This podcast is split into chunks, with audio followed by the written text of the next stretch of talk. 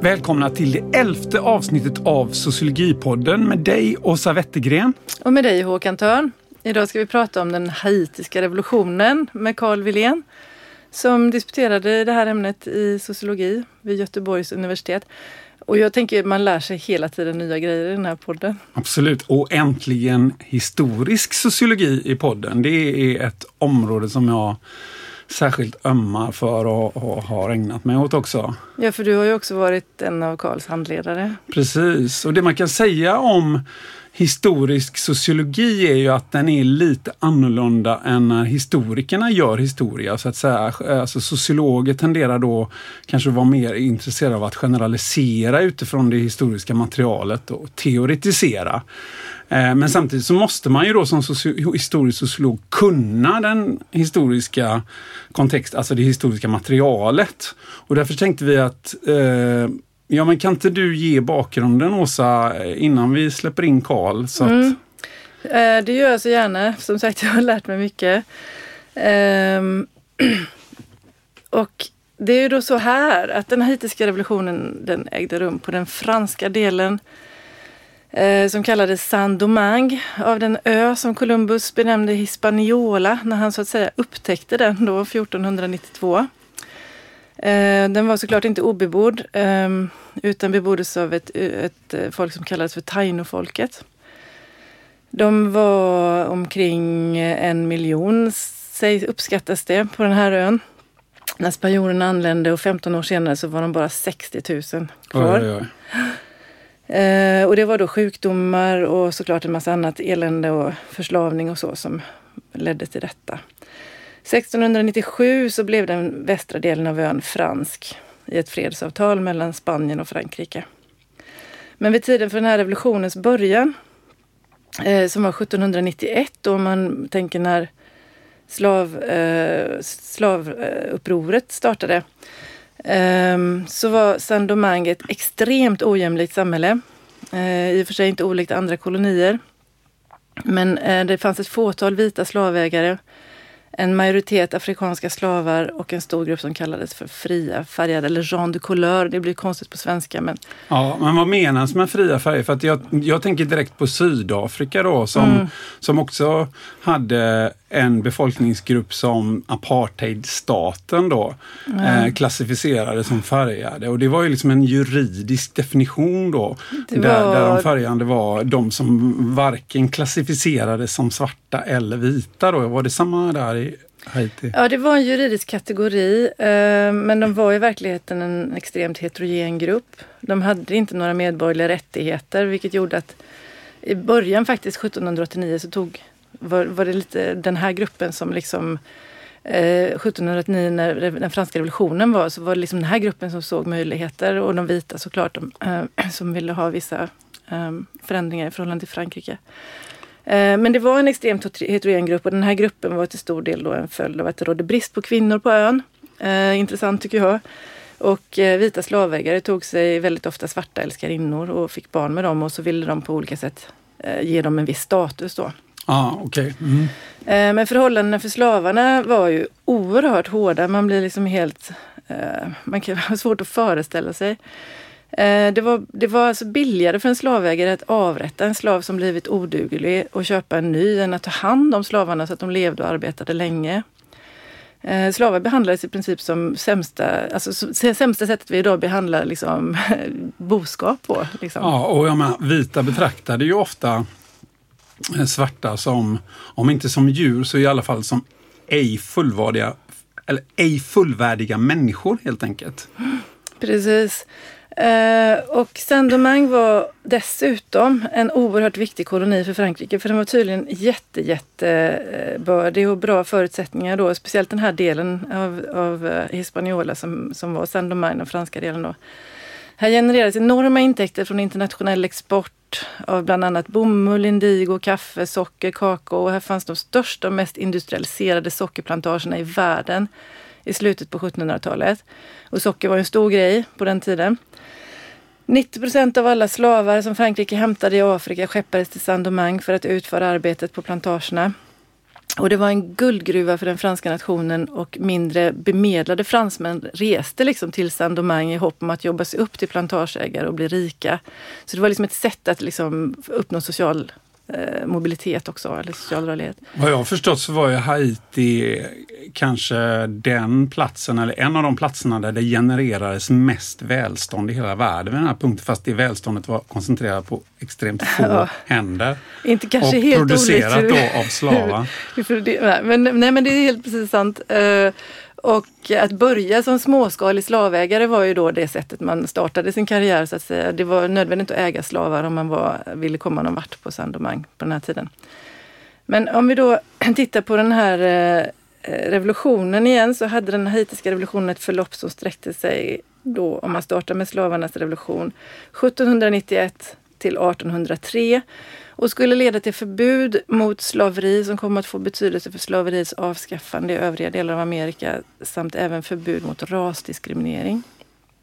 Och etablerandet av alla människors lika värde eller människans rättigheter, droit de l'homme då. Ja, som ju inte är exakt samma sak som de mänskliga rättigheterna då, som ju ingår i titeln på dagens äh, äh, poddavsnitt. Men det är ju en av de sakerna vi ska prata om med Karl alldeles mm strax då? Jag läste en, eh, lite grann ur en intressant eh, historik av den amerikanska historikern David Geggus. Eh, som pratar om den haitiska revolutionen och omständigheterna däromkring eh, på ett sätt som ger den nästan ett magiskt skimmer. För den har ju liksom, den har ju både glömts men också återupplivats så att säga, i, histor i historieskrivningen och har fått någon typ av liksom, särstatus vad jag förstår. Ehm, så han skisserar revolutionen som en komplex interaktion av olika slags treenigheter. Det är tre politiska mål, det vill säga frihet, jämlikhet, oberoende. Framförd av tre sociala grupper, vita, Jean de couleur och slavar. Och tre regionala revolutioner då i kolonins norra, västra och södra delar. Och dessutom så finns det då en tredelad temporalitet enligt Geggus, som startade då egentligen redan 1789 när de här franska revolutionens idéer sprider sig till vita och Jean de Couleur. Och sen 1791 till 1801 så var det slavrevolter och krig med Spanien och England eh, som ville ta över den här lukrativa delen av Hispaniola och såg sin chans då när, när, när Frankrike försvagades. Eh, och 1802 till 1803 så var den sista fasen, så att säga, det var kriget mot Napoleon eh, och för det som sedermera kommer att bli Haitis självständighet. Då. Och då kan vi kanske tillägga mm. då att året därpå, 1804, så fullbordas den haitiska revolutionen med den haitiska självständighetsförklaringen. Ja. Förklaringen, mm. precis. Eh, så, men det intressanta var att enligt Geggus då så var slavarna inte aktiva den första perioden. De satt liksom stilla i båten och såg spänningar mellan vita och fria färgade ökar och sen satte de in sin stöt då, eh, två år senare, alltså 1791.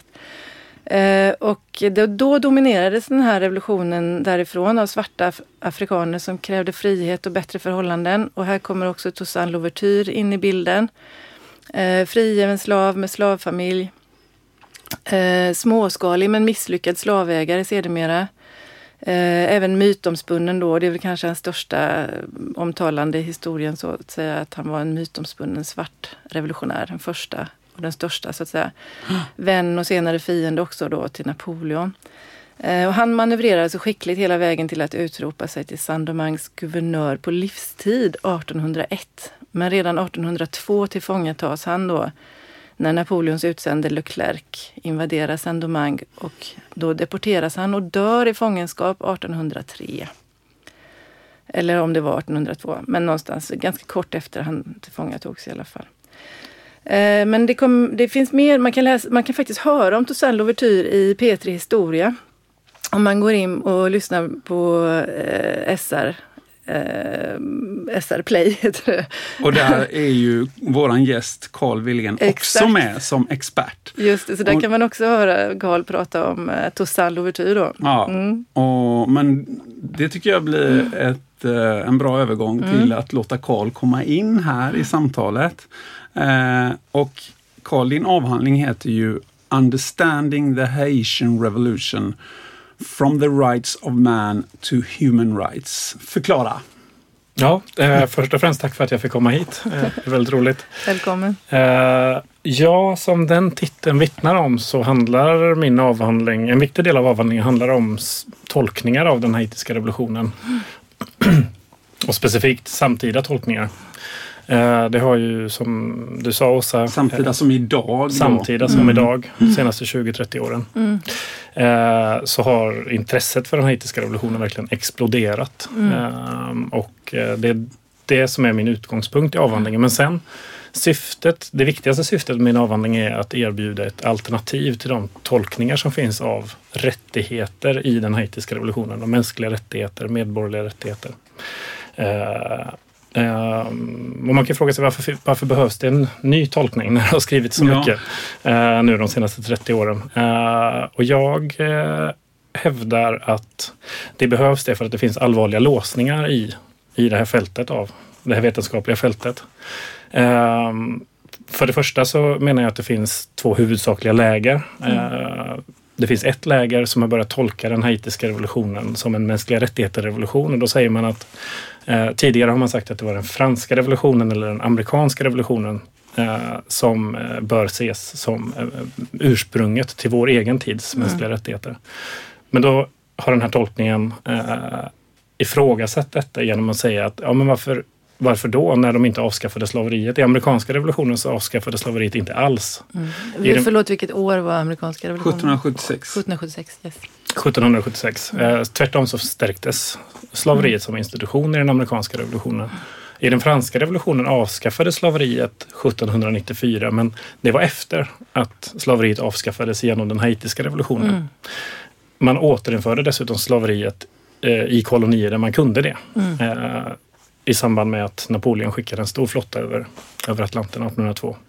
Så då har man sagt att om man, i den mån som vi bör betrakta den franska eller amerikanska revolutionen som vår egen tids mänskliga rättigheters ursprung, då har vi ännu, ännu större skäl att säga att den haitiska revolutionen är detta ursprung. Mm. Eh, sen har vi en annan sida som, är, eh, som säger tvärtom. Toussaint Louverture, var inte han slavägare? Hur kan man då vara en mänskliga rättigheter förkämpe? Eh, den här revolutionen stannade inte den eh, vid eh, Haitis nyblivna gränser. Man försökte inte avskaffa slaveriet någon annanstans. Var det verkligen en mänskliga rättigheter-revolution? Den var väldigt våldsam. Det fanns giriga revolutionärer, säger man. Eh, ojämlikheten var, eh, avskaffades inte. Eh, det är liksom en kontinuitet före och efter revolutionen, så det finns invändningar då. Jag säger att eh, många saker om de, här, om de här tolkningarna säger jag i avhandlingen, men det viktigaste tror jag är eh, å ena sidan att eh, vi kommer inte kunna lösa den här konflikten genom att upptäcka nytt arkivmaterial. För jag menar att det, att det finns begreppsliga låsningar här. Mm. Därför behöver vi historisk sociologi. Därför behöver vi historisk sociologi om, eh, och inte bara historiker som skriver om, om den här revolutionen. Den andra sidan är att eh, man har antingen undvikit att ta i frågan om hur förhåller sig rättigheter till ojämlik, socioekonomisk ojämlikhet. Antingen har man undvikit det eller så har man tagit för givet att rättigheter är någonting som är inkompatibelt, oförenligt eller står i en spänning i relation till socioekonomisk ojämlikhet. Jag ställer frågan, varför ska vi anta det för? Mm.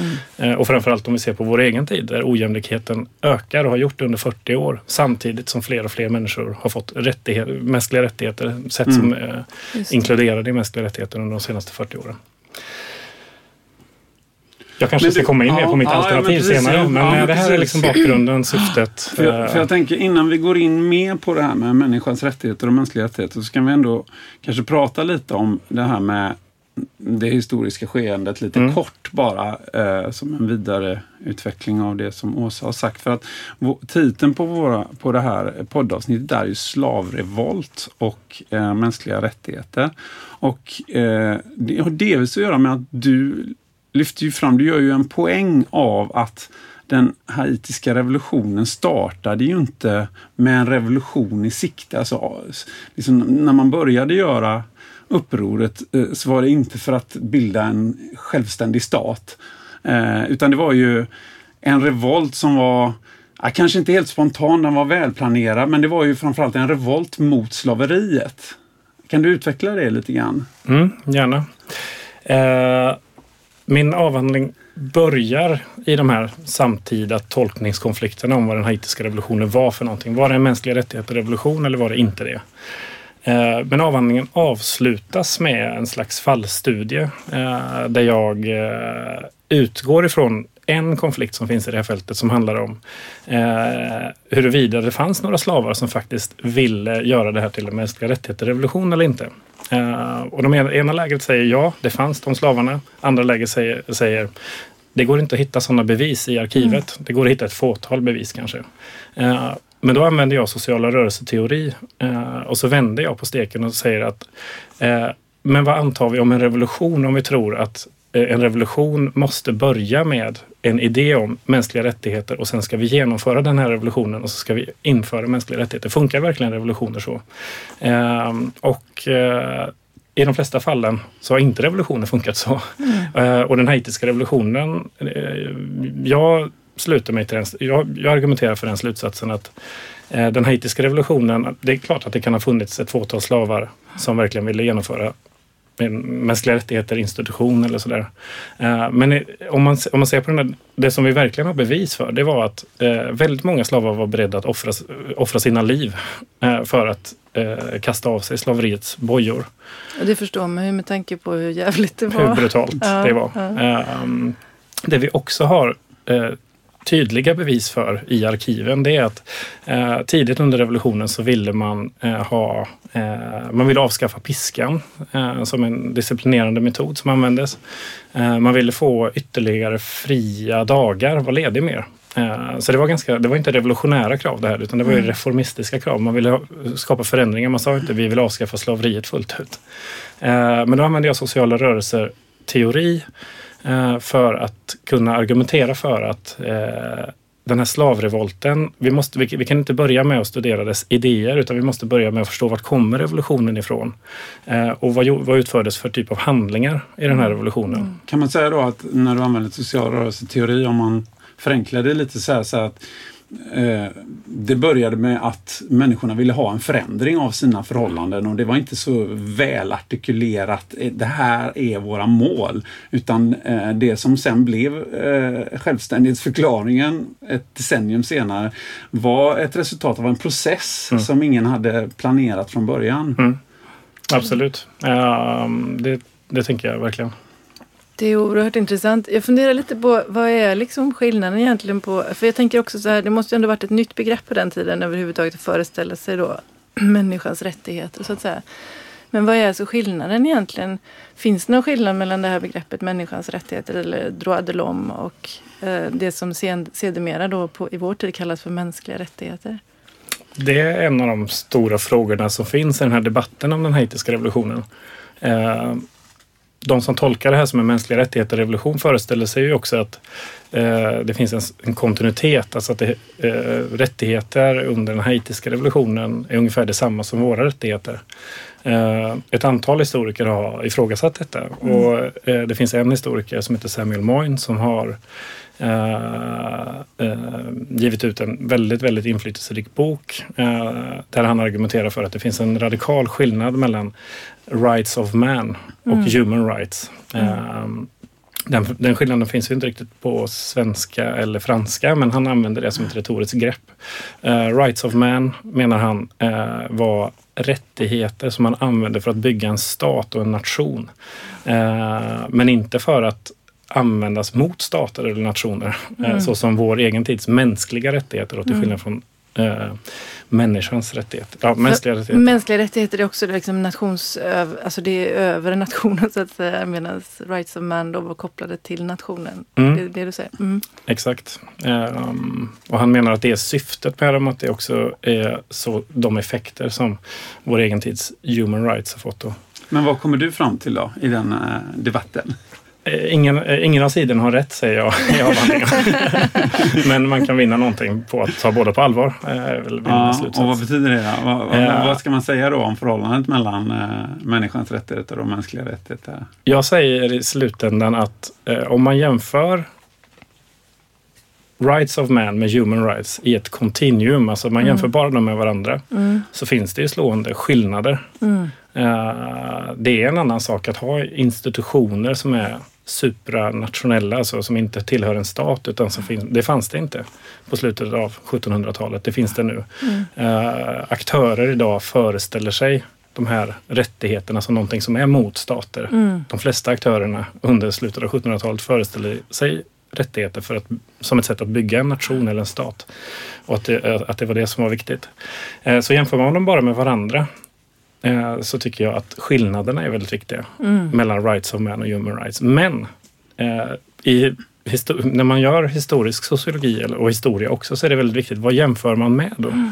För jämför man med slaveriet där eh, slaven inte hade några rättigheter.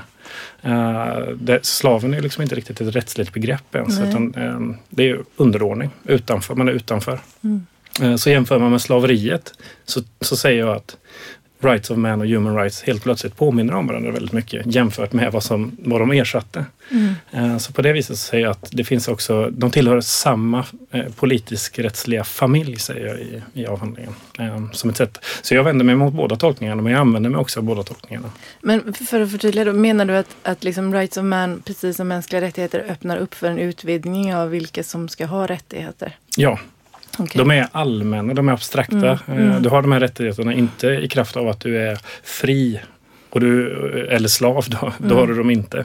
Eh, Utan båda är allmänna, de är generella, abstrakta. Mm. Eh, Till skillnad från de här, den här konkreta skillnaden som var mellan slav och fri under den här revolutionen. Ehm, Så då säger jag också oavsett om o- eh, för att återkoppla till den här frågan om sociala rörelser. eh, Oavsett vad eh, slavarna ville i början av den här revolutionen så kan vi dra slutsatsen att den haitiska revolutionen, eh, att det skapades en identitet.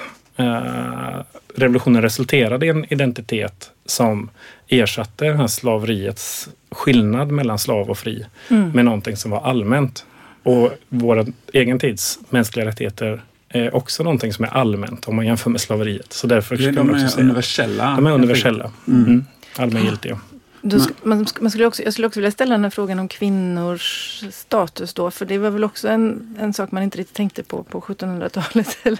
Mm, Mary Wollstonecraft tänkte ju på det i relation till Ja, den franska. Hon, ja. hon, hon kritiserade ju liksom eh, människan. Ja, precis. Mm. Och på engelska också rights of man. Precis. Och hon gjorde en Mm. poäng av det. Att det, det här är ju mannens rättigheter. För vi kvinnor räknas ju inte in som fullvärdiga medborgare. Så, så kan du, vad kan du säga om om det och om den haitiska revolutionen i relation till det. För inte heller där var det väl så att kvinnor eh, räknades in som fullvärdiga medborgare. Men de var med i revolutionen? mm, eller? ja, men jättebra fråga. Och jag, Mm. jag tror att det är viktigt att börja där. Precis Mm. som i franska revolutionen så spelade kvinnor i den haitiska revolutionen en jätteviktig och avgörande roll. Mm. Eh, men eh, På vilket sätt? Kan du ha något exempel? som deltagare i eh, mängder av olika slag, som Mm. organisatörer. Som, eh, men de, de, det fanns ingen i ledarskapet av revolutionen som var kvinna. Mm. Eh, I franska revolutionen fanns det kvinnor som ändå var närmare de Mm. maktpositionerna. Liksom. Men i haitiska revolutionen så fanns det inte kvinnor som var så nära ledarskapet. Eh, I slavrevolution-delen av revolutionen i alla fall. Men det finns, alltså, eh, slav, de allra flesta slavar kunde inte läsa och skriva. Mm. Ehm, och det gällde ju både män och kvinnor. Eh, men de, eh, till exempel Toussaint Louverture eh, lärde sig väldigt hög ut. Han, lärde, han kunde eh, läsa och skriva innan revolutionen men han, Mm. han förfinade den konsten och använde sig av många sekreterare. Så det finns väldigt mycket text bevarad efter Toussaint Louverture och nog ett fåtal andra personer. Eh, men det finns ju väldigt, väldigt lite text. Uh, haitiska revolutionen har inte lämnat efter sig mycket text om man jämför med franska revolutionen. Mm. En annan viktig skillnad eh, mellan franska revolutionen och haitiska revolutionen är ju att i den franska revolutionen så fanns det en lagstiftande församling som fanns redan innan revolutionen. Eh, och man, eh, tidigt så införde man den här distinktionen mellan passiva och aktiva medborgare. Mm. Vilket öppnade upp för en konflikt runt vilka ska då vara passiva och vilka ska vara aktiva. Och där kommer ju Mary Wollstonecraft in och säger att varför skulle kvinnor vara passiva? Mm. Eh, tidigt så debatterade man i nationalförsamlingen i Frankrike eh, hur, kan vi, hur kan vi säga att eh, religiösa minoriteter eh, ska vara eh, passiva medborgare? Eh, nej, men det kan vi inte. Alla tänkte på protestanter. Mm. Några dagar senare började man fråga, men judar då? Mm. De är väl också religiös minoritet? De borde också eh, få medborgerliga rättigheter. Mm. Eh, och så, så det fanns en dynamik där. Eh, Så passivt medborgarskap var knutet till att man inte hade lika mycket medborgerliga rättigheter? Ja, Okej. precis. Man kan väl säga att här kommer man in och tangerar ändå din frågeställning om förhållandet mellan alltså ojämlikhet eller jämlikhet och rättigheter. För i någon mening kan man ju säga att Eh, det har ju alltid varit så och är så än idag att eh, när man utropar deklarationer om alla människors eh, lika värde och rättigheter som FN-stadgan då från 48 och som åberopas så är det ändå så att i realiteten har ju inte alla lika tillgång till mm. de här rättigheterna. Absolut. Eh, nej men det är en jätteviktig poäng.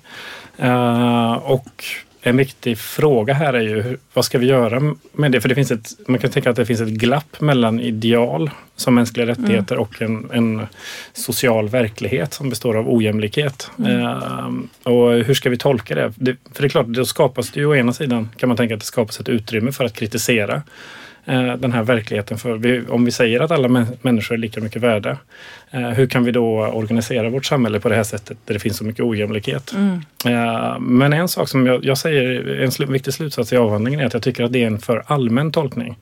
Om man applicerar den på den haitiska revolutionen till exempel så, så är det svårt att förstå varför en sån dynamik skulle kunna uppstå.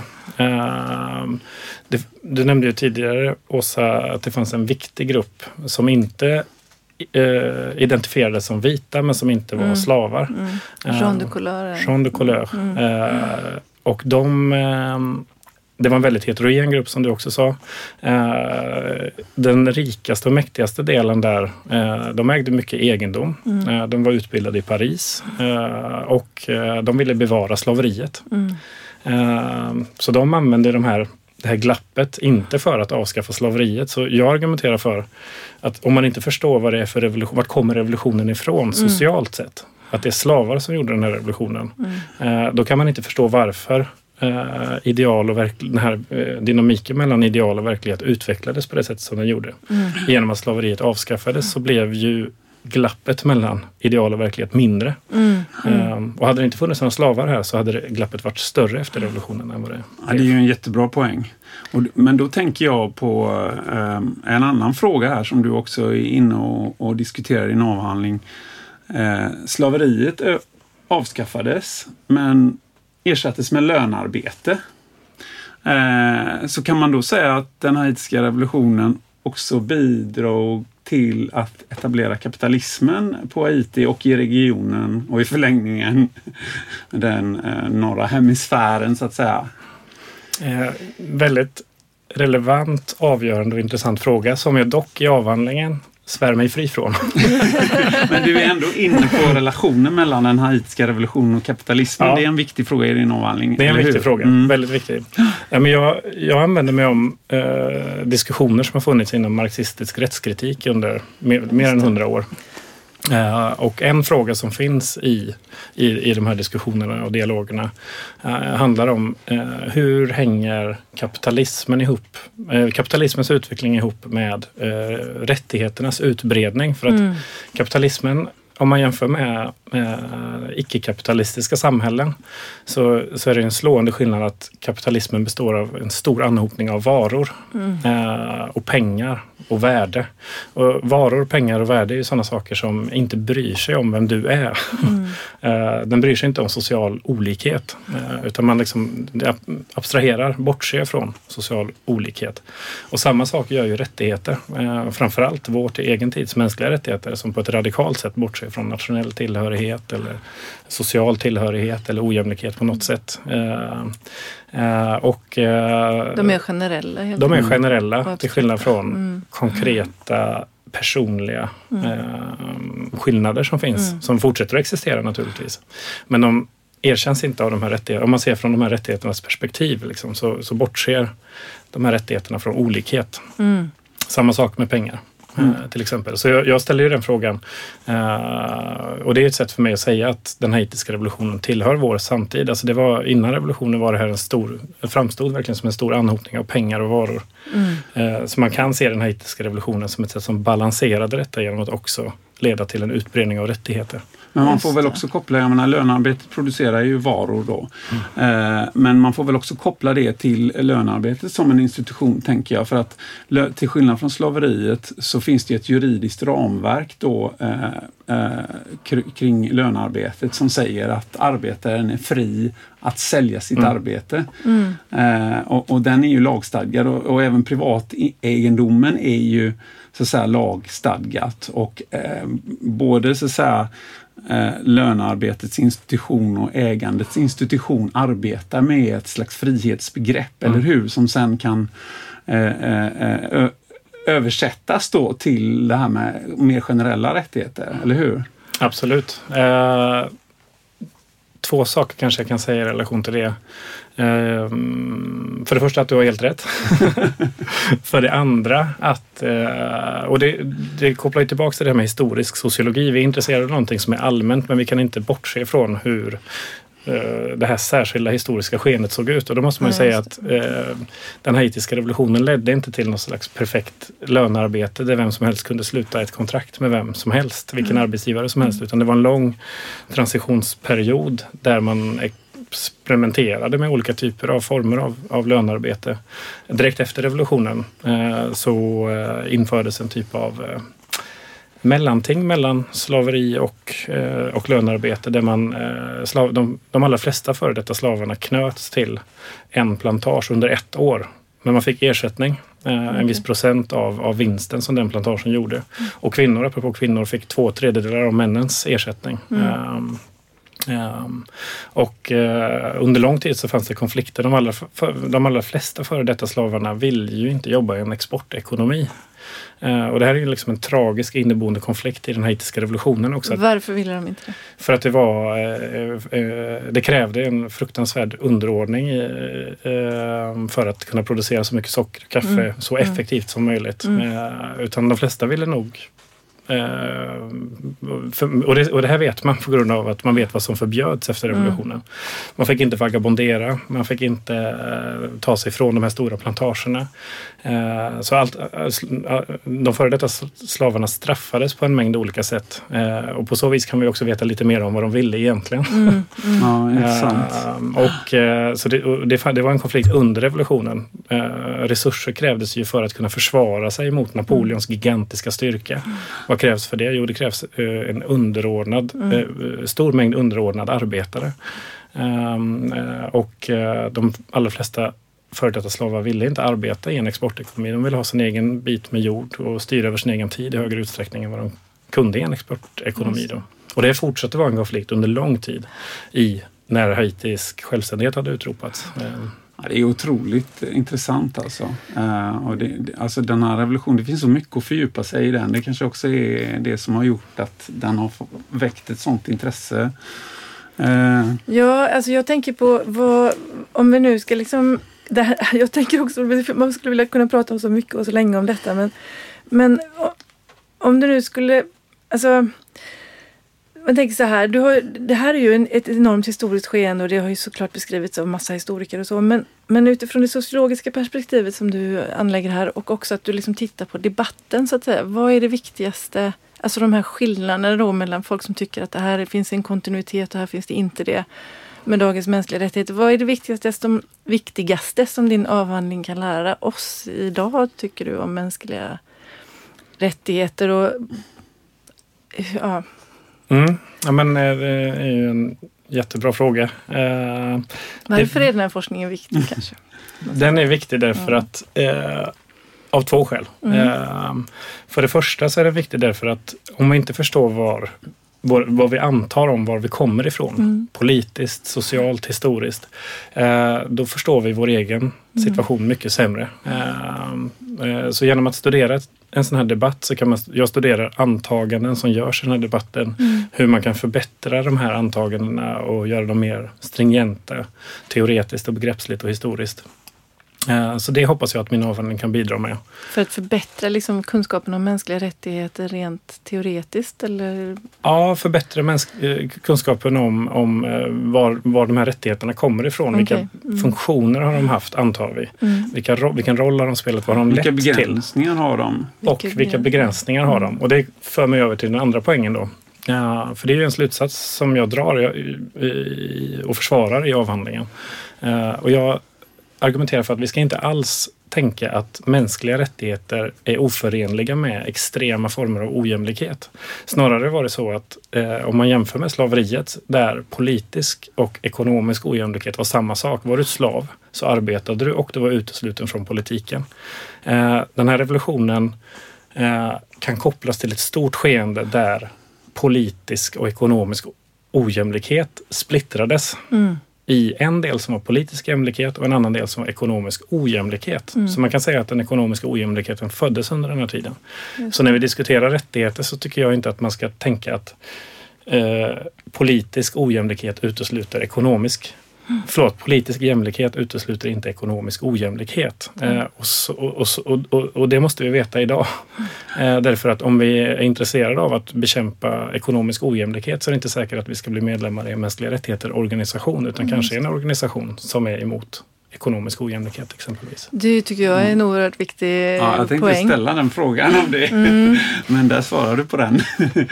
Så eh, ja. Möjligtvis är det lite överflödigt att ställa frågan, men jag gör det ändå. Vad har det med sociologi att göra? Vi pratade ju om det lite. Du får i alla fall en Varför möjlighet att slå ett... Varför är du inte idéhistoriker? ja, precis. Du får en möjlighet att slå ett slag för Mm, sociologi. sociologin. Uh. Ja, men egentligen är det ganska enkelt, tänker jag. Alltså, av samma skäl som alla stora samhällsteoretiker har ägnat så mycket tid åt den franska revolutionen och den amerikanska revolutionen. Vilken roll spelade de mm. revolutionerna mm. i, såna, alltså i frågor om modernitet, mm. kapitalism, politisk modernitet, ekonomisk modernitet? För alla de klassiska samhällsteoretikerna var det nödvändigt att förstå vilken roll de här revolutionerna, amerikanska franska revolutionen spelade. Mm. Eh, och nu när den haitiska revolutionen har så att säga återupptäckts. Det finns ju, den har ju inte varit bortglömd av alla. Det finns ju viktiga. I Haiti till exempel så har ju alltid den haitiska revolutionen varit viktig. Eh, men när den har blivit en så stor akademisk fråga så, så, så tänker jag att eh, och argumentera för i avhandlingen att då är det påkallat att vi sociologer eh, också begriper vad den haitiska revolutionen var i mm. relation till kapitalism, modernitet, demokrati, mänskliga rättigheter. Jätteviktigt. Det, men mm. var det därför du blev sociolog? Du, kunde, jag vet ju, du läste en hel del i det och lärdomshistoria innan du sökte in på forskarutbildningen. Så att, varför blev du sociolog och inte idéhistoriker till exempel? Ja, men det är inte intressant att, fokusera på tillfälligheterna som gjorde att jag blev sociolog. så jag försöker säga något allmänt. Då. jag, kom, jag kom till sociologin eh, i sam, nästan ett, halv, ett halvår, ett år innan finanskrisen bröt ut eh, och blev en global händelse som påverkade alla. 2008? 2008, 2007, 2008. Jag träffade många andra som också eh, kom till sociologin ungefär samtidigt. Eh, och vi alla tror jag förenades i att vi upplevde att det fanns begreppsliga verktyg och analyser inom sociologin som hjälpte oss att göra det här skeendet begripligt. Um, och uh, det är det som är sociologins styrka, att det kan samtidigt, ja det ger oss verktyg att förstå vad, vad, vilken värld lever vi i. Och inte minst, hur kan vi förändra den? Mm. Mm. Ja men det bra svar, tycker jag. Tack för det, det gläder mig Ja, då är det dags att runda av, men vi har en sak kvar. Ja, men eh, Karl, du har ju ett boktips. Ja, Precis. Mm. Eh, som jag hoppas att alla som lyssnar på den här podden, ni kommer gå och köpa den här boken. Den finns eh, bara i en utgåva. Eh, men det är en fantastisk bok. Den heter eh, Detta upplysta tidvarv och den är skriven av Alessio Carpentier. Mm. Det är en Eh, roman som är, ja, den är fascinerande på väldigt många, många, sätt. Men den är relevant i det här sammanhanget, inte minst därför att eh, ja, den utspelar sig eh, inte i, på en viss plats, men, men utgångspunkten är Havanna. Mm. Eh, och eh, där två syskon och en kusin eh, ärver en, ett handelshus. och de är unga, de är tonåringar. Eh, och när deras eh, festligheter har lagt sig, de har mycket pengar och resurser. När är detta? Eh, och det här är i början av 1790-talet. Mm, precis då. Ja. Precis när haitiska revolutionen mm. utspelar sig. en nyckelscen. en, de här festligheterna tar ett abrupt slut när den franska jakobinen och revolutionären Victor Huguet mm. dyker upp i det handelshuset. Mm. Eh, och han är på väg till Guadeloupe för att eh, avskaffa slaveriet. Då är det 1794. Mm. Eh, och han härskar ju som envåldshärskare i Guadeloupe i fyra år. Eh, en annan nyckelscen är det kommer, en, eh, kommer in en, en um, revolutionär från den haitiska revolutionen som heter eh, Vincent eh, Auger Mm. Eh, som tillhör den här gruppen eh, Jean de couleur libre, alltså mm. de som, icke, mm. som inte var vita och inte svarta. Eh, och han har precis flytt eh, för att han har försökt eh, göra ett uppror. Inte för att avskaffa slaveriet utan för att eh, skaffa, skapa lika rättigheter mm. för alla fria människor i Saint-Domingue. Mm. det, är, alltså det är en roman som, eh, det är en roman som handlar om fester, som handlar om revolutioner, krig, eh, konsthistoria, eh, you name it. Alltså det Men också hela komplexiteten runt ja. de här, eh, vem ska omfattas av rättigheterna och varför och hur tänker vi? Liksom? Absolut, mm. och det är en atlantisk roman. Så den utspelar sig i Frankrike, den utspelar sig på Guadeloupe, då, Havanna. Eh, och man får en känsla för att det här var liksom en väldigt nästan global, i alla fall en atlantisk värld. Mm. Eh, där nyheter spreds över, över Atlanten med fraktfartyg och slavfartyg och liknande. Ja, men då är det dags att tacka dig Karl eh, för att du kom hit och berättade om din avhandling. Otroligt intressant. Tack ja. så mycket för att jag fick komma. Det var jätteroligt att vara här. Hej då! Hej då! Då var det dags för vårat eh, boktips. Vad har du valt för en bok idag Håkan? Jag har valt en bok som heter Anatomy of Revolution, alltså revolutionens anatomi, som kom ut 2019 och är skriven av George Lawson. Och vem är han? Eh, han är doktor i internationella relationer. Han eh, var länge baserad på London School of Economics men han flydde den här akademiska krisen som mm. de har där. Den ska vi kanske inte fördjupa oss i. Och eh, arbetar nu på Australian National University. I Australien alltså? Yes. Har du något bra citat? Ja, eh, det blir ett kort eh, men jag tror att det blir ett som du gillar eftersom det handlar om emotioner. Det gillar jag. Okej, okay, då kör vi. Låt höra. Mm. Revolutionary movements are attempts to overcome fear, channel anger, foster hope and restore dignity. Jag kan försöka mig på en snabb översättning här mm. också. Revolutionära rörelser är försök att komma bortom rädsla, kanalisera vrede, skapa hopp och återupprätta självrespekt. Det låter underbart. Jag tänker där har han verkligen fångat eh, de revolutionära drivkrafterna. Precis. Och eh, vad man måste arbeta med för känslor för att, för att genomdriva en revolution. Ja, Mycket och vi spännande. Kan, vi kan mm. återkomma till det lite mm. senare. Mm. Eh, alltså introduktionen till boken har rubriken Vad är revolutioner och det är ju verkligen en berättigad fråga i vår, vår samtid. Ja, för lite som man tänker så här, vi har pratat nu om kontinuiteten mellan begrepp som droit de l'homme och mänskliga rättigheter och så, men frågan är liksom egentligen vad är en revolution och vad är kontinuiteten här då mellan 1700-talet och idag? Ja men precis. Och det är naturligtvis då som alltid en omdiskuterad fråga i Såklart. Man kan skriva en avhandling om det med. ja, och, det kanske och, du har gjort till och med på sätt ja, Jag har varit inne och nosat på det i min ja. avhandling för typ 25 år sedan. Men, mm. men alltså, eh, det, det, man kan säga så här att det beror ju också på eh, det historiska sammanhanget. Man kan säga att den, man brukar ju säga att den moderna revolutionen föddes i slutet på 1700-talet. Alltså med eh, den amerikanska, den franska och den haitiska då, mm. fast den mm. haitiska då ofta har glömts, eh, glömts bort. bort. i det sammanhanget. Eller snarare man, kanske skrivits ut ur historien för ja, den var inte så passande. Nej, men precis. Eh, men, och då brukar man säga att det är ju intressant med ordet revolution, för mm. det, det, är rev, alltså det är ett återställande egentligen om man går i ett etymologiskt eh, eh, och titta på ordets betydelse. Mm. Eh, och då brukar man säga att den, den engelska revolutionen som ägde rum på 1600-talet, alltså det, att den där var den var inte modern då? Nej, alltså inte i den meningen som de sena 1700-talets var det. För då brukar man säga att där eh, var det fråga om att återställa en gammal ordning så att säga. Okay. Men i och med eh, de sena 1700-tals revolutioner så får ordet revolution en helt ny mening och en motsatt innebörd kan man säga. Mm. Inte återställa en gammal ordning utan att skapa en helt ny ordning. Och det var ju också en helt ny idé kan man säga i mm. Europa mm. vid den här tiden eh, som hade med upplysningen att göra.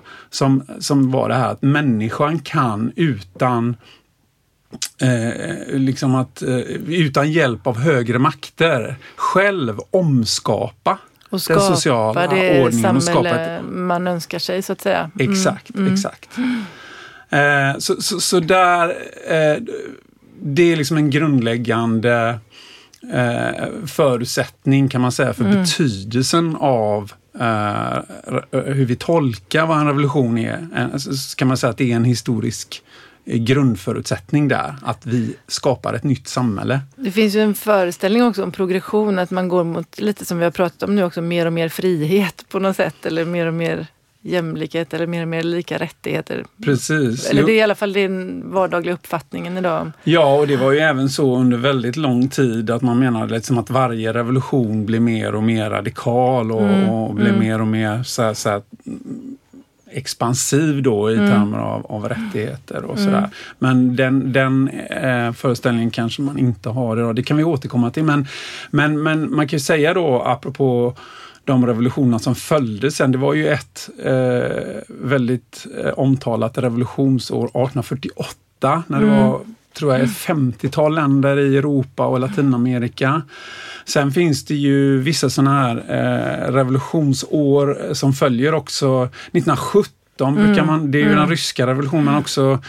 Eh, eh, alltså kulmen på den mexikanska revolutionen. Och mm. Sen följer ju den kinesiska 1949, den kubanska 1959 och 1979 har vi den nicaraguanska och den iranska. Mm, mm. Eh, och man kan säga då inom det som är revolutionsforskning och det är ofta statsvetare, sociologer som håller på med det.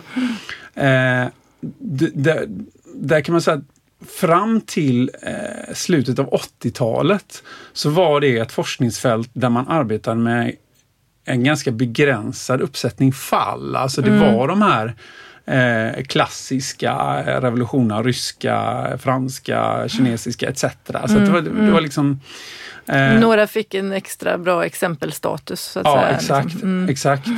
Eh, men, eh, och, och, då säger George Lawson då att eh, man kan koka ner eh, forskningen till att den Eh, pekade på att det fanns två grundläggande drag hos de här klassiska revolutionerna. Då. Mm. Och Det var just det här att skapa en ny social ordning och att man gjorde det med hjälp av väpnat uppror.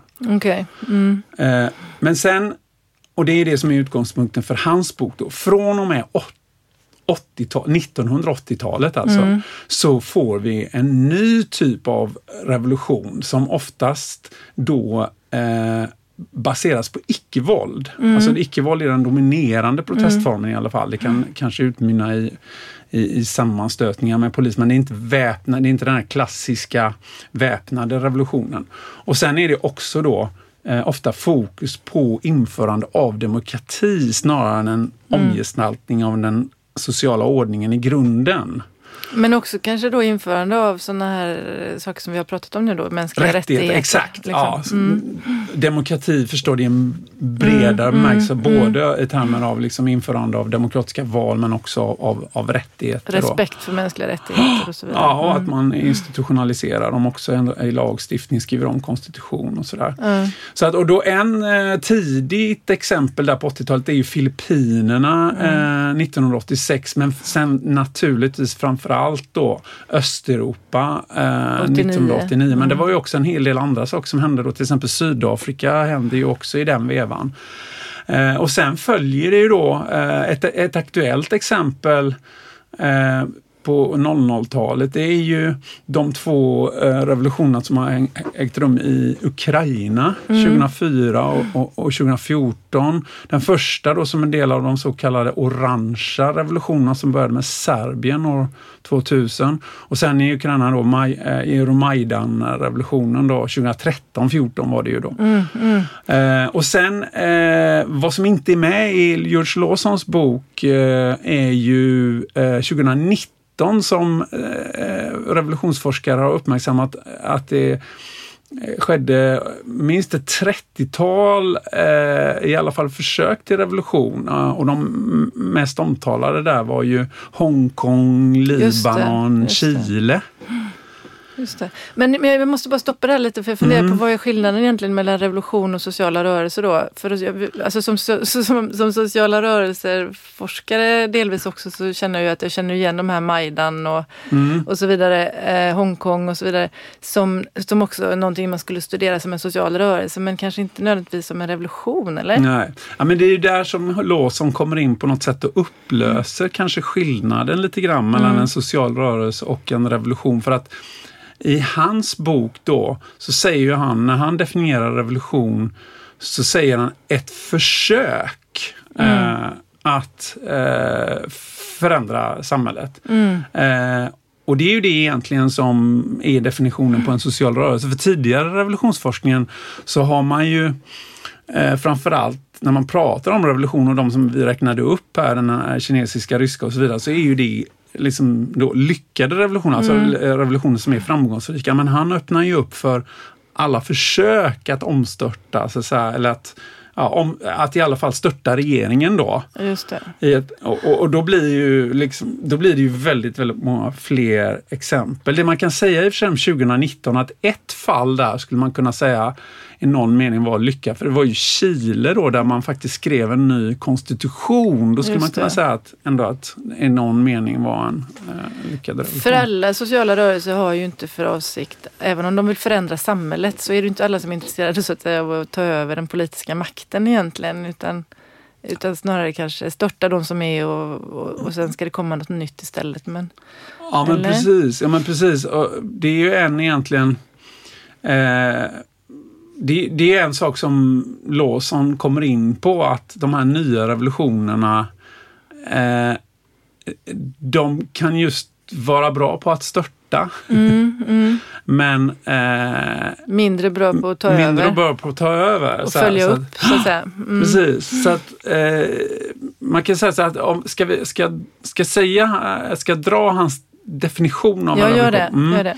Alltså en kollektiv mobilisering som syftar till att snabbt och med tvångsmedel störta en regim i syfte att åstadkomma politiska, ekonomiska och eller kulturella eh, förändringar. Då. Så att, att, det kan vara något av detta. Och, och tvångsmedel här betyder ju då inte nödvändigtvis våld utan eh, i de nya revolutionerna då mer som civil olydnad då. Men att man ändå på olika sätt tvingar liksom fram de här förändringarna? Ja, då. precis. Ja. Genom att blockera regimens möjligheter att fortsätta att utöva sin makt kan man ju säga. Och det här att det ska gå snabbt då?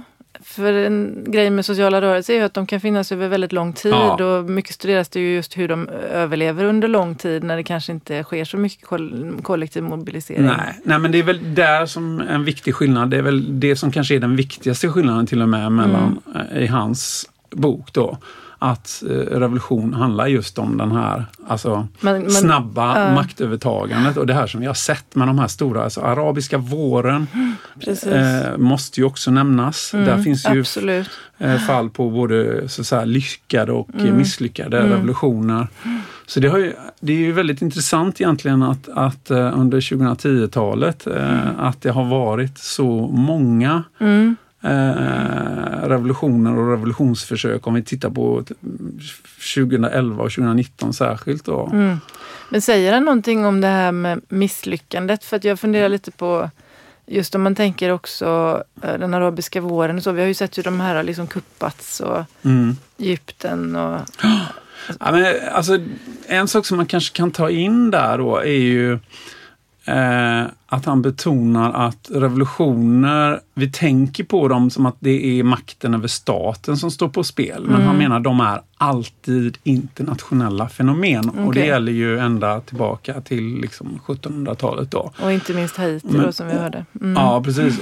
Precis, alltså det är ett maktspel i regionen som avgör ytterst skeendet och Lawson när han eh, då analyserar de här nya revolutionerna så trycker han på att man måste förstå eh, dem i relation till den globaliseringen vi har sett som, eh, sedan eh, 80-talet. då. Eh, och- men även tidigare, man kan ju säga att 1700 och 1800-tal var ju globalisering av kapitalismen och globalisering Absolut. av nationalstaten som en politisk konstruktion. Sen har du ju 1900-talet. Då hade du ju världskrigen och kalla kriget som var, eh, liksom spelade roll för, för revolutionerna som ju var globala fenomen. Och sen har vi ju då naturligtvis eh, från 1989 och fram till vår tid, Berlinmurens fall, men också hegemonin för kapitalism och liberalism. För att man kan ju säga att de här eh, revolutionerna sedan 1989 har varit liberala revolutioner eftersom det har handlat om, om, om den liberala demokratin. Eh, så att man, han då säger att syftet med hans bok det, då är egentligen eh, det här med att, att revolutionens anatomi, det är liksom hans teori då. Det är en, det är en, säger han, en revolutionens globala sociologi. Det är en sociologi och inte då statsvetenskap för att han betonar just det, det relationella väldigt mycket. Mellan de här olika omvärldsfaktorerna Ja, och och, som och faktiskt... även inom Ja, revolutionen just kan man säga då. Eh, och det är väl där liksom han närmar sig social rörelseteori, att det, det blir social mobilisering med alla de olika eh, krafterna, spelet mellan de olika grupperna, sociala grupperna inom revolutionen. Då. Eh, så att om man då ska komma in även på det här med det emotionella då, så, så säger han att han kritiserar den tidigare revolutionsforskningen för att den har varit rationalistisk. Sett på instrumentella mål och... Ja, det, det här knyter ju an Mm. precis till vad vi pratade om med Ja, Karl just på något sätt. Eh, alltså att de haitiska revolutionärerna började liksom inte med att sätta sig ner och säga att nu ska vi eh, eh, störta fransmännens kolonial- och ja, och, och liksom rasdiskriminering utropa och- självständighet. Nej, nej, liksom. Utan det började som eh, en i och för sig organiserad men också spontan revolt Mm. mot slaveriets institutioner då kan man säga. Och där tänker jag också att det är viktigt att poängtera just när man pratar om emotioner att under, de, under så oerhört lång tid hade ju liksom hat och missnöje och desperation och hopplöshet ackumulerat så att säga hos de här slavarna som, som blev en enorm energiutlösande faktor då. För att Precis. driva revolutionen. Så jag tänker att också när man tänker emotionellt så flätas liksom eh, hopp skapas ju av den här eh, gemensamma kraften i en revolution och där föds också nya mål när man ser vad man faktiskt lyckas med. Exakt, det blir en process. Mm. att, eh, då blir hos Lawson en revolutionens ana anatomi är en slags en flexibel analysmodell Mm. som, som då syftar till att försöka frilägga de här sekvenserna då Mm. i de revolutionära skeendena som du pratar om. Alltså att det, det händer saker man, man- man, skriver lite baklängeshistoria kan Ja, man säga. Liksom. Man börjar med eh, vad hände? Eh, om vi säger att det blir en lyckad revolution så försöker man spåra processerna bakåt I, i, i olika steg då. Eh, så att, så att det är en teori Just men det. den är öppen för väldigt många olika konkreta variationer då. Men de här nya revolutionerna, för att gå tillbaka då, vad säger han om dem om man jämför med de klassiska som du kallar dem, de här som vi har sett då? Eh, Ja. Jo, men han säger ganska mycket då såklart. Eh, men han urskiljer ett antal nya former för de här nya revolutionerna och även nya typer av revolutionära rörelser som är mer i innehållet kan Ja, man säga. just det, precis. Eh, alltså förutom det vi sa tidigare då, eh, att de är baserade på icke-våld och inriktade på, på, på demokratisk eh, demokrati helt enkelt, är ju att de, till skillnad från tidigare revolution då, decentraliserade, alltså ledarlösa eller har ett flexibelt ledarskap i alla fall. Och från och med 2000-talet så använder de sig i hög grad av informationsteknologi. Eh, och det, Det måste ju vara en viktig förändring. Ja, verkligen. Och det, det är också, eh, har inte bara Lawson kopplat på att, eh, kopplat till att de har ett eh, eh, väldigt starkt element på eh, alltså att ett stort inslag av mycket unga människor. Mm. Eh, för un, alltså unga människor eh, är ofta de som eh, har haft eh, bäst vän med den nya teknologin. Ja, som man säger. Sen har det alltid varit unga människor i revolutionen men nu har de varit väldigt, väldigt unga Ja. i de här 2000-talets eh, revolutioner. Ibland 14-15 år som Ja. i, Chile till exempel eller Brasilien. Och där kan det just gå väldigt snabbt. Alltså. Det komprimerar ju Eh, spridningen av eh, liksom budskapet, så att säga, sociala medier. Mm. Ja, och sen också stor betoning på det karnevaliska mm. Eh, och på symboler. Klart att symboler har alltid varit viktiga, men här får det en extra twist. Vi kan tänka på Anonymous, vet, uh, den här uh. Guy Fawkes-masken. Mm. Uh, här kommer också... Orangea tröjorna. Ja, exakt. Mm. exakt.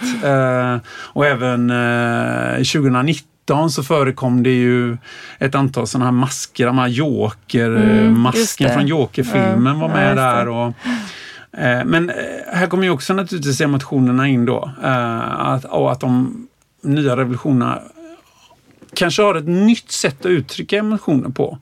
Eller betona andra emotioner. vad, vad säger du som emotionsforskare? Alltså jag skulle Kan säga man- att det kan- karnevaliska är ju intressant. Det, det har nog alltid funnits som ett inslag på olika sätt. Men jag tänker att de, de just rörelser i alla fall är ju väl, väldigt viktig del av det, i alla fall i västvärlden, är ju att det ska vara roligt. Alltså man ska ha kul, man ska, det ska vara fest. Liksom, Ja, att, göra, ja. att, att samlas och vara tillsammans och göra saker. Och det kanske också ingår i det här Icke-våldsstrategin kräver ju såklart en väldig massa annan hantering av känslor Ja. som rädsla för vad som händer om någon börjar slå, om polisen kommer in och börjar slå eller om man blir, hamnar i fängelse. Ja. Alltså det finns många intressanta emotionella aspekter i det här men jag tror att det just som är betecknande är att det är vreden tas inte ut på samma sätt utan det är mer, man kanske är fr- fruktansvärt arg precis som, som de haitiska slavarna men, men man kan inte ta ut det på samma sätt för vi lever i en tid där, där liksom, eh, vrede framförallt är väldigt politiserat och väldigt, eh, man blir väldigt snabbt utdefinierad. Ja, och då, precis. Och det här, jag, nu vill ju låt som framförallt peka på 80-talet där, men jag, ett år, revolutionsår som vi inte har nämnt här eh, än, men som ju är väldigt omtalat, det är ju 1968 och jag skulle ju Mm. kanske peka på att eh, en hel del av de här nya formerna föddes där med Mm. betoning på det här Mm. eh, karnevaliska. och ja, precis. roligt Ja, och lustprincipen, i, poli- lustprinciper, i precis. politiken och sådär. Eh, Men får jag bara sticka in? Jag tänker Ja. när vi pratar om symboler, en, något som du inte har nämnt. eh, Att metoo var ju en internetbaserad eh, fenomen. Ja. Kan det räknas som en revolution? Ja, men det är en väldigt intressant fråga tycker Ja. jag. Eh, som vi faktiskt har diskuterat lite på institutionen eh, också när vi eh, vi funderade på att, att lägga upp ett forskningsprojekt kring det här och då, och, och då då, det, jag menar, det beror ju på hur man tänker om det är nödvändigt att, eh, att, att den här rörelsen då siktar på att ändå ta makten över staten eller störta regimen. Alltså på många sätt så har de ju störtat regim, alltså de har störtat manliga makthavare Ja, precis. rejält. Exakt, exakt. Nej, och de har också skrivit om lagar, vi har pratat om den nya våldtäktslagen som faktiskt att den kom, till slut kom till stånd då i Sverige för 2018 var bland annat påverkat Ja. av det här. Nej men om man Så- utvidgar, alltså Lawson kan man säga, han utvidgar ju faktiskt i sin definition så öppnar han upp att det behöver inte bara handla om, om staten utan det Nej. kan handla om kommunen eller regionen Mm. som zapatisterna och sådär. Och, men man skulle kunna öppna upp till, till och med ännu lite till säga att en regim, det kan ju vara en rasistisk, alltså Mm. Ja, regim i en inte formell mening utan att Mm. rasismen är en slags institutionaliserad Mm. företeelse, en slags regim och Mm. Könsmaktsordningen är också det. Mm. Och då blir ju naturligtvis metoo också en revolutionär rörelse. Eller Black Lives Matter, de vill ju Precis. också störta en regim. Exakt, en rasistisk regim. Och, Mm. och det är väl det som Lawson gör, att öppna upp revolutionsbegreppet för att kunna fånga in den här typen av rörelser. För att han tycker att det blir för snävt, att man missar för mycket annars, annars då. Jag skulle också vilja säga faktiskt någonting om, om, eh, om IT, eh, alltså informationsteknologin då. Mm. Eh, för att den får så oerhört stor, stor betydelse just för formerna. Och, och, och styrkan är ju då enligt Lawson att eh, informationsteknologierna kan understödja skapandet av lösa nätverk som mm, de här mm. revolutionerna bygger på. Men svagheten är att de är ett mindre bra verktyg för att skapa starka band som ju också krävs, alltså starka sociala band. Det vill säga det skapar man egentligen när man träffas och ja, möts snarare exakt. än när man eh, interagerar på nätet. Ja. Mm. Och han mm. säger också att det är ett tveeggat svärd. Det är inte bara så att det möjliggör för, för, för eh, rörelserna att kommunicera med varandra utan eh, ett, eh, en rad exempel har visat också att det möjliggör också statlig kontroll över rörelserna. Vi har sett exempel på hur man stänger ner Facebook precis, och så vidare. Precis. Uh, ja. Och inte minst också hur uh, Ryssland nu då lyckas ta kontroll över eventuellt revolutionära krafter i ja, förhållande till utvecklingen absolut. där. Alltså genom att helt, helt enkelt skapa vattentäta skott mot uh, fria medier eller fria ja. sociala medier. Ja, precis. Så att eh, om man ska avsluta det här då bara så um, kan man säga då att just för att återkomma till det här med innehållet och så Eh, så säger han ju egentligen att alltså, traditionellt så har revolutionsstudierna tenderat att fokusera på socialistiska eller vänsterliberala mm. revolutioner. Det är ju lite slående. Ja, ja mm. Men uh, han pekar ju då uh, mot den bakgrunden av den kritiken också då på tre, att det finns tre huvudströmningar i, i dagens globala revolutionära landskap. Då. Det är uh, islamism, Eh, populism och det han kallar för sociala rörelserevolutioner och där hänvisar han då som, till sånt som Occupy, mm. alltså Black Lives mm. Matter, mm. Climate mm. Justice, alltså klimaträttviserörelsen som ja, vi inte har nämnt.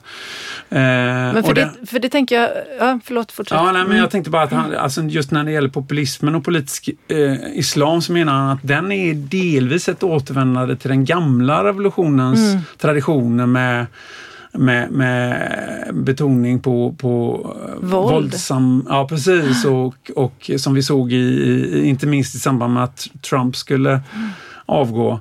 Eh, och även ledarkult då. Mm, eh, mm. Så att, men, men man kanske ändå... Inrättandet av kalifat och så vidare. Ja, ja, exakt. Ja, det. Sen kanske men, man ändå kan... In, ja, mm, nej, men, nej, för en, en, en, sak som hela tiden ligger på min tunga här det är ju då faktiskt den här högerextrema vågen som vi ser och som också skulle, kanske skulle kunna ses som någon slags revolution. Du nämnde ju ja.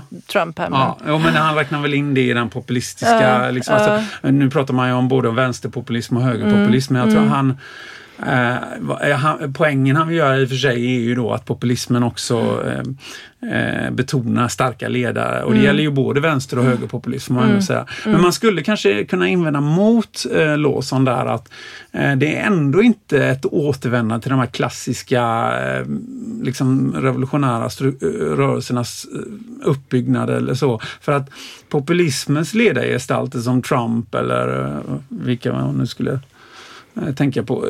De är ju inte en Robespierre eller en Lenin eller en mm. Castro. Alltså populismens ledare är ju skapade genom en medialogik kan man säga. Mm. Mm. Uh, jag vet inte hur man ska definiera dem riktigt. Liksom. De, är, de är lite mer nebulösa känns det som när man tittar på, på, på Trump så... De har ju sina ideologer. Jag kommer inte ihåg faktiskt vad, vad, vad de heter nu men jag läste på lite om alt-right-högern för ja. några år sedan. Och de har ju även också faktiskt akademiska och intellektuella ideologer. Jo, jo, men alltså det finns ju många av de där mm. elementen. Sen skulle man bara kunna tillägga att den, milit alltså den militanta grenen av politisk islam inte heller riktigt liknar de gamla revolutionära gerillarörelserna så. Så mm. det är inte riktigt ett återvändande här utan nej, de här strömningarna nej, det är, inte är också en del heller, för av det Ja, precis. Det är en del av det som är nu som, som, som finns i samhället idag där det finns reaktioner då, både inom islamism och inom extremhögern så finns det ju väldigt starka reaktioner mot eh, ut, utvidgandet av mänskliga rättigheter just eller utvidgandet av inkluderingen av grupper som ska räknas som jämlika, det vill säga kvinnor och hbtq eh, och eh, alla eh, svarta, vita, vad man nu har för hudfärg och så vidare. Mm. Att, det finns, att det är en reaktion mot det som, som då jag tänker kalifat-idén eller den här eh, Populismens. populistiska vita, vita amerikanska mm. högerpopulismen. Mm. Eh, konservativa världsbilden om, omfattar ju en inte en återgång men en nyskapande av en kultur som, som då ska liksom utesluta eller begränsa de här rättigheterna i väldigt hög grad. Men samtidigt så skulle jag ändå vilja säga då så är de en del av det här väldigt globaliserade medielandskapet där väldigt mycket också handlar om ett informationskrig faktiskt. Absolut, ja visst. Eh, Mm. Eh, viktigare än det väpnade Mm. Mm. eh, motståndet. Men det är väl dags att runda av här. Det är det. Ja, Tack så mycket Håkan. Tack Åsa. Hej då. Hej då.